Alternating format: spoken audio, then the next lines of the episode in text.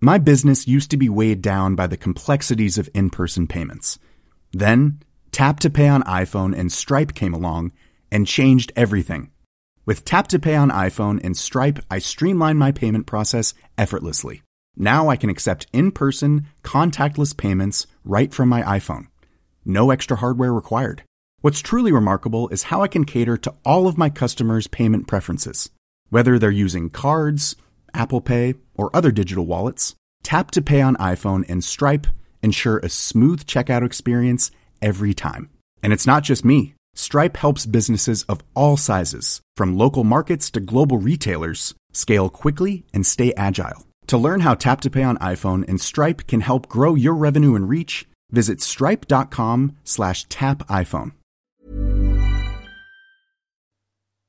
Bedrifter foretrekker Instagram til influencer marketing. Er vertikale videoer det eneste riktige å satse på i sosiale medier, og Facebook lukker dørene og skrur på kryptering. Hans Petter co. er podkasten for deg som vil forstå hvordan teknologi påvirker og endrer oss i en hverdag som blir stadig mer globalisert, urbanisert og digitalisert. Jeg heter Hans Petter, og denne episoden ble spilt inn tirsdag 12. mars.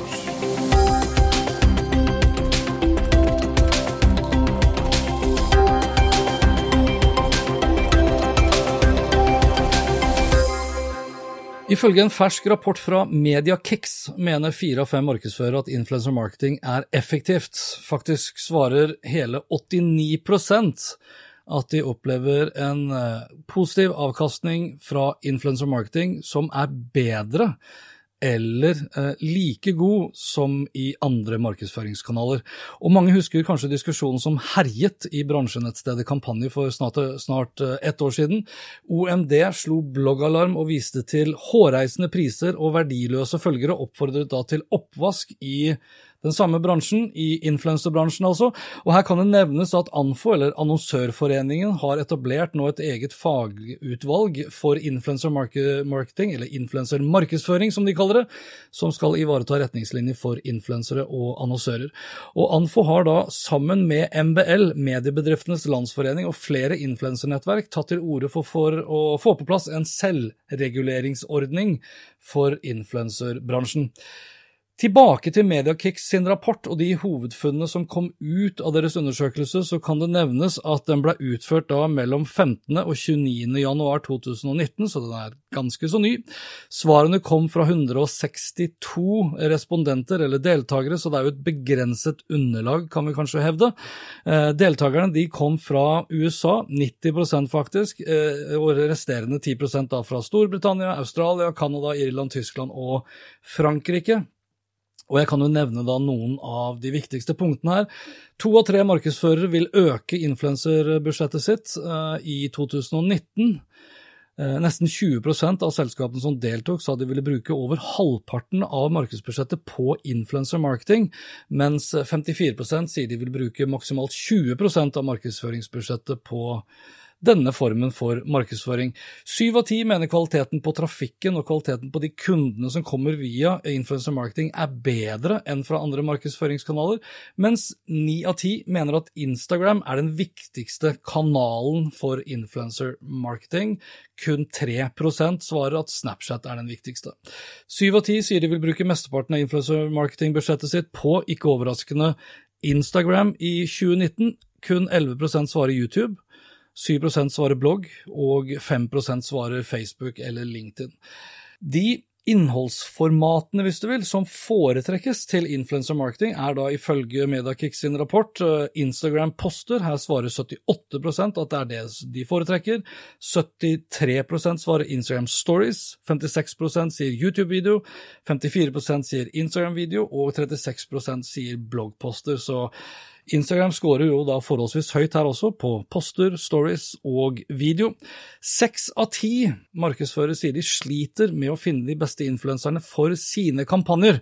Og det her er da igjen i stor grad da i USA. Hva andelen er i Norge, det vet jeg ikke, men sitter du som hører på med den samme opplevelsen, så kan jeg i hvert fall anbefale å sjekke ut da eksempel inspire.me Inspired da med Z, unitedinfluencers.no, nordicscreens.no, splay1.com, Adlink Media, Egmont People, eh, Bonnier Media, Vecora, Anti-Brand People og influence.no.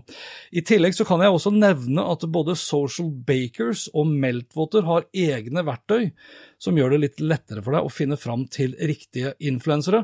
Meltwaters eh, Social Influencers-verktøy de har tilgang til bl.a. over 900 millioner profiler, og da snakker vi selvfølgelig da ikke bare om Norge. og De profilene befinner seg da i over 60 000 kategorier, skriver de på sin nettside. I undersøkelsen så kommer også frem at kvalitet er viktigere enn kvantitet, og at andelen av engasjerte følgere er en avgjørende faktor. Så kvaliteten på innholdet, her svarer da 81% at det er en av de viktigste faktorene. Riktig målgruppe 78% engasjement 73% mens antall følgere, der svarer kun 43% at det er det aller viktigste. Og til tross for Instagrams innsats for å avdekke falske følgere, så er det nettopp falske følgere og falskt engasjement som bekymrer mest, etterfulgt av endringer i algoritmer og det å etablere en slags always on-strategi, at du alltid må komme ut med nytt innhold. I Norge så har det jo lenge vært et stort og diskutert tema når det kommer til tydelig merking av reklame blant influenserne. Reguleringer og krav er det kun én av fem som er bekymret for blant respondentene til Mediakicks. I tillegg så har vi også her til lands diskutert mye omkring dette med etikk og moral, altså ref da Norwegians eh, berømte influensereise til Dubai, men ikke minst bruk av barn som levende assessoarer, og heller ikke det ser ut til å bekymre så mye blant markedsførere internasjonalt og da i stor grad da USA.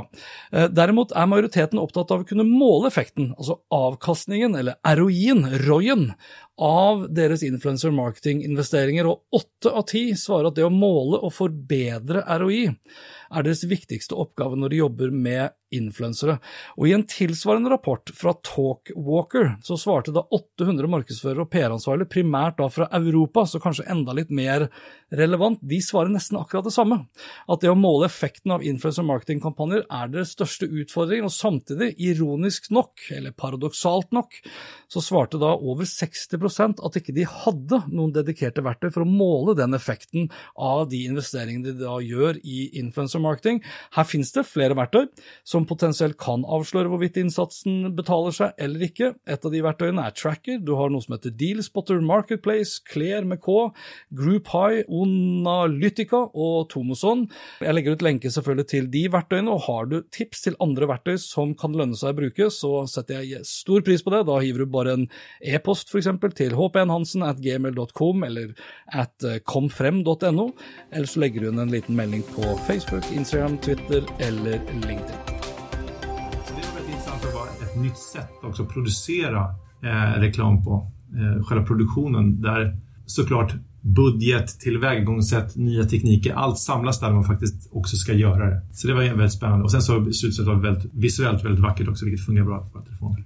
Hvis de skulle velge, hvis et bolag må velge mellom horisontalt versus uh, vertikalt? Vertikalt hver dag.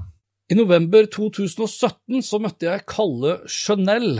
Han er den nordiske sjefen for Facebook Creative Shop, og vi snakket da om vertikale versus horisontale videoer på på Facebook, eller stående eller liggende videoer hvis du vil. Og hans klare råd, som du kan høre mer av i episode 202 av nå nedlagte Mediapuls, lenken legger jeg selvfølgelig ut av på hanspetter.info, det var at man alltid bør filme vertikalt for Facebook. Et halvt år tidligere eh, så hadde jeg listet opp ni argumenter for å filme vertikalt, og snart to år senere så har det vel ikke blitt mindre aktuelt eller mindre viktig å filme nettopp vertikalt. Snarere tvert imot, iallfall hvis vi skal tro da en fersk undersøkelse fra Buffer. Og Buffer brukte 6000 dollar av egen lomme for å finne ut hvilke videoformater som fungerte best, og til hvilke sosiale plattformer. De hadde da dog begrenset seg til Facebook og Instagram. Bakgrunnen det var at de ønsket å se hvor mye som hadde endret seg etter en 2017-undersøkelse som de da gjorde sammen med Animoto. Og Der hadde de da sammenligna firkanta og vertikale videoer. Buffer hevder å vite at firkanta videoer oppnår 30-35% flere videoavspillinger og 80-100% økning i engasjement sammenligna med horisontale videoer på mobil. Derimot så savna de da en undersøkelse som viser hvordan vertikale videoer slår an på Instagram og Facebook, både i nyhetsfeeden og i stories. Og noen av de hovedfunnene fra Buffer sitt eksperiment var at vertikale videoer er 26% billigere enn firkanta. Eh, da når de da målte kost per klikk, altså CPC.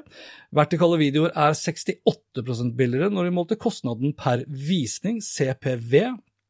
Instagram Stories koster halvparten så mye som Instagrams nyhetsfeed når Buffer da målte kostnad per 1000 visninger, CPM, og 30 billigere når de da så på klikk CPC1. Vertikale videoer var spesielt effektive når det kom til å drive engasjement via Instagrams nyhetsfeed, sammenlignet med Facebooks nyhetsfeed og stories i tillegg til Instagram Stories. Resultatet var 6% økning i antall som så mer enn tre sekunder, og nesten 200% økning i antallet som så mer enn halvparten av videoen. Over 10 000 så mer enn 50% av den vertikale videoen i Instagram nyhetsfeeden, mens godt under 5000 så mer enn 50% av den firkanta videoen. Så vertikalt scorer utvilsomt bedre enn den firkanta. Utover de funnene som Buffer fikk ut av de 6000 dollarene de brukte på å finne ut hvilke videoformat som fungerte best, firkanta eller vertikal, så kunne de også konstatere bl.a. at markedsføring på Facebook fungerer svært godt, kostnad per klikk var konsekvent lavere på Facebook. A lot can happen in three years, like a chatbot may be your new best friend. But what won't change? Needing health insurance. United Healthcare Tri Term Medical Plans, underwritten by Golden Rule Insurance Company, offer flexible, budget friendly coverage that lasts nearly three years in some states. Learn more at uh1.com. Many of us have those stubborn pounds that seem impossible to lose, no matter how good we eat or how hard we work out. My solution is PlushCare. PlushCare is a leading telehealth provider with doctors who are there for you day and night to partner with you in your weight loss journey. They can prescribe FDA-approved weight loss medications like Wagovi and Zepbound for those who qualify. Plus, they accept most insurance plans. To get started, visit plushcare.com slash weight loss. That's plushcare.com slash weight loss. Facebook med Instagram, og det til tross for at Facebook-reklame har blitt mye dyrere i det siste. Og dette gjaldt da spesielt i de tilfeller hvor det viktigste da var å drive trafikk. Ikke å se, men å faktisk da klikke seg inn. Polerte og proffe videoer fungerte ofte dårligere enn upolerte, altså videoer som oppleves å være laget av en amatør fremfor en proff kosta mindre i de tilfeller hvor man så mer enn ti sekunder av videoen, og var inntil dobbelt så effektive til å fange publikums oppmerksomhet. Så det ekte, genuine, det nære fungerer også da best, utover at det vertikale også da fungerer best. Samtidig fremstår Instagram Stories som en av de største reklamemulighetene i 2019, og det mest av alt fordi reklame på Instagram Stories fortsatt er begrenset i bruk. Derfor er også prisene svært hyggelige.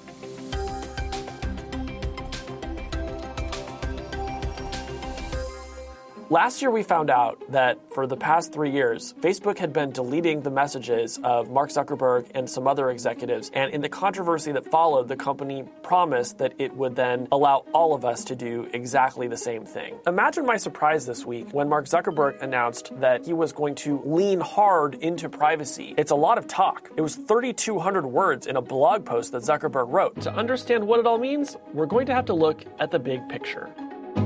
Det du hørte her, var The Verge uh, Casey Newton. Uh, I en YouTube-video så forklarer han hvordan Mark Zuckerberg vil endre Facebook for alltid, nå som de vil satse mye mer på personvern og kryptering.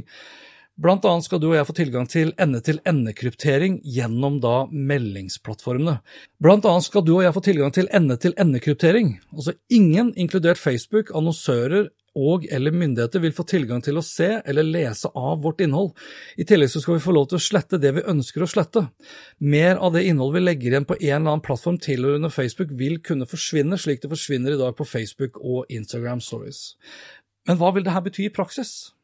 Annonsører vil f.eks. da få mindre data om oss å jobbe med for å nå oss. Facebook-feeden vil bli fryktelig mindre viktig, både for oss, annonsører og Facebook, og enkelte land vil potensielt da forby Facebook fordi myndighetene ikke vil få tilgang til informasjonen vi legger igjen.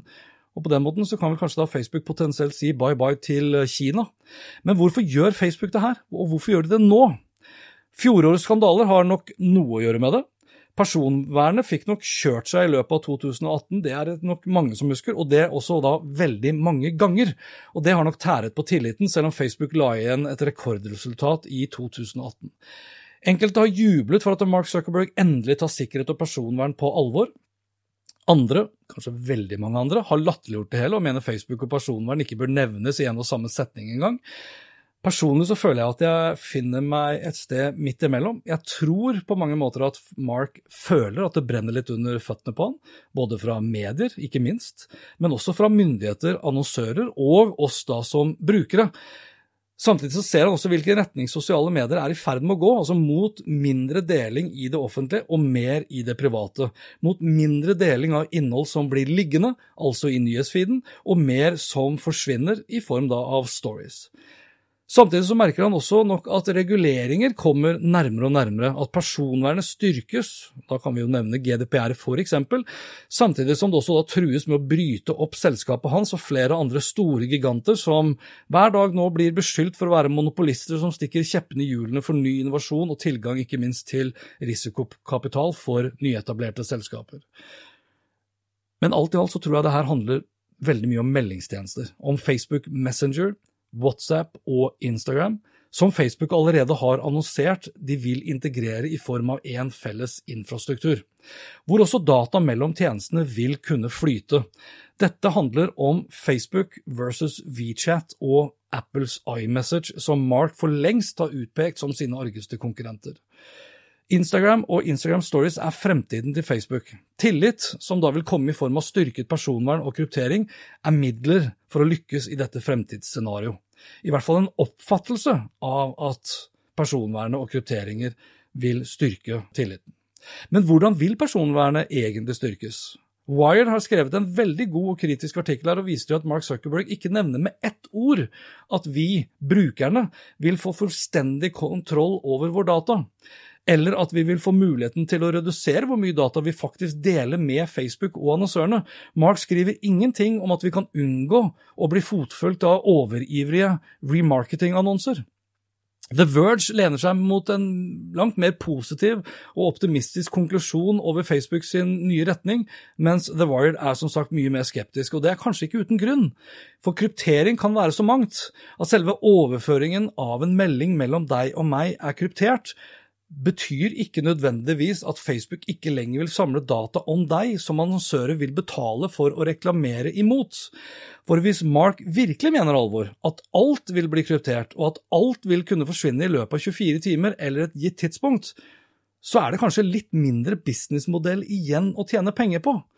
I tillegg til at Facebook vil måtte vinke farvel til bl.a. Kina og en rekke andre land som krever full tilgang til alt som foregår online.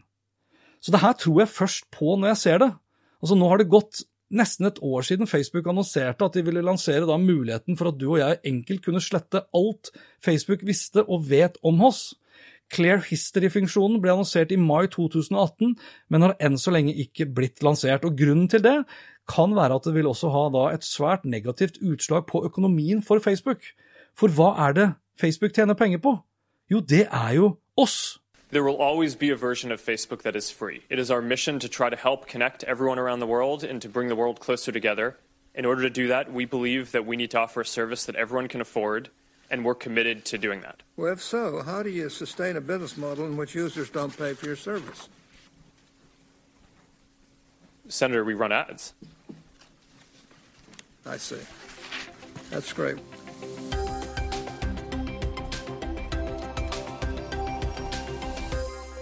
Jeg runder av denne episoden med et par andre nyheter fra inn- og utland. og Jeg starter med Telenor og VG, som nå går inn i en ny allianse som skal friste da ungdommen med goodies, er det kampanje som skriver. Kunder av Telenor Yng, eller Young da, som det kanskje skal uttales, med et abonnement på minst 6 gigabyte, kan nå velge å få tilgang til VG pluss uten ekstra kostnad. Young ble lansert for uh, snart to år siden som arvtaker for merkevaren DJus, og Young Goodies er en videreutvikling av dette konseptet. Og avhengig av hvor stor datapakke Yng-abonnentene har, så kan de velge mellom én eller flere fordeler, eller da såkalte goodies, som de har valgt å kalle det. I likhet med de andre abonnementene i Young-serien er tilbudet forbeholdt av kunder mellom 18 og 28 år, Erik Getz Godtvedt, leder for Yng i Telenor Norge, sier at i kampanjen at dersom kunden velger VG, vil de få tilgang til alle VG pluss-artikler som også inkluderer over 400 filmer og dokumentarer. Alternativt så kan man velge Hold Norge rent, hvor Telenor donerer 300 kroner til miljøorganisasjonen på kundens vegne. Og I tillegg så finnes det en rekke andre fordeler som databoost, feriedata eller dataswitch. og Dette er bare begynnelsen, og vi ønsker å utvide disse fordelene over tid. Det pågår om dagen rykteflom rundt Schibsteds nye rubrikk Baby, skriver Dagens Næringsliv, og sikter da til Adevinta, som er da det nye navnet på Schibsteds sitt nye rubrikkselskap. Eh, og Som kjent så skal da Schibsted spinne ut sin internasjonale rubrikkvirksomhet i da Adevinta under ledelse av Rolf Erik Ryssdal. Og Ryssdal sier til DN at det nye selskapet både vil kunne øke gjelden og hente inn ny kapital gjennom å utstede nye aksjer. Mye tyder på at det globale rubrikkmarkedet står foran en ny runde med konsolideringer i form av oppkjøp og funksjoner. Spekulasjoner går om det raskt kan bli snakk om oppkjøp og fusjoner som involverer andre rubrikkselskaper som Naspers, eBay og tyske Scout24. Ja, du hørte riktig eBay. Så runder jeg da av med Filter Nyheter, som eh, oppdaterte nylig sin oversikt over norske nettsteder du bør være på vakt mot. Og det her er tredje gang Filter Nyheter gjennomfører en gjennomgang av nettsteder som oppfattes som ekte av mange, men som ikke alltid er sannferdige. Altså nettsteder som blander ekte og oppdiktede opplysninger, kommentarer og spekulasjoner. Nettsteder som ikke har en tydelig avsender som det er vanskelig å komme i kontakt med, og som ofte har en politisk motivert side, selv om innholdet blir presentert i et nøytralt nyhetsspråk. Og nettsteder som nevnes her, er f.eks. aftenstidene.com, alternativmedia.com, norgesavisen.no, ordet er mitt.com, ektenyheter.no, eh, dagens ironi der, og dinavis.no. Filter Nyheter skriver innledningsvis at de har bevisst utelatt de mye omtalte nettsidene Resett, Dokument og Rights.no fra oversikten, da de tror de fleste lesere i dag kjenner til hvor disse står politisk, og hvordan det farger stoffet som publiseres. Listen er ikke uttømmende og kan bli oppdatert. Dette var det. Liker du det du hørte og vil forsikre deg om at du får med deg de neste episodene, vel, da kan du bl.a. abonnere på Hans Petter og Co. på Apple Podcaster. Legg gjerne igjen en liten stjerne eller to der, og en liten rating. Ellers er podkasten også tilgjengelig på Spotify, Google Podcast, Overcast og TuneIn Radio, blant mange andre. Inntil da, vær nysgjerrig. Det er den beste måten å møte vår digitale fremtid på. I tillegg så kan det også lønne seg å være litt skeptisk og kritisk. Selv om det står på nett, så er det ikke automatisk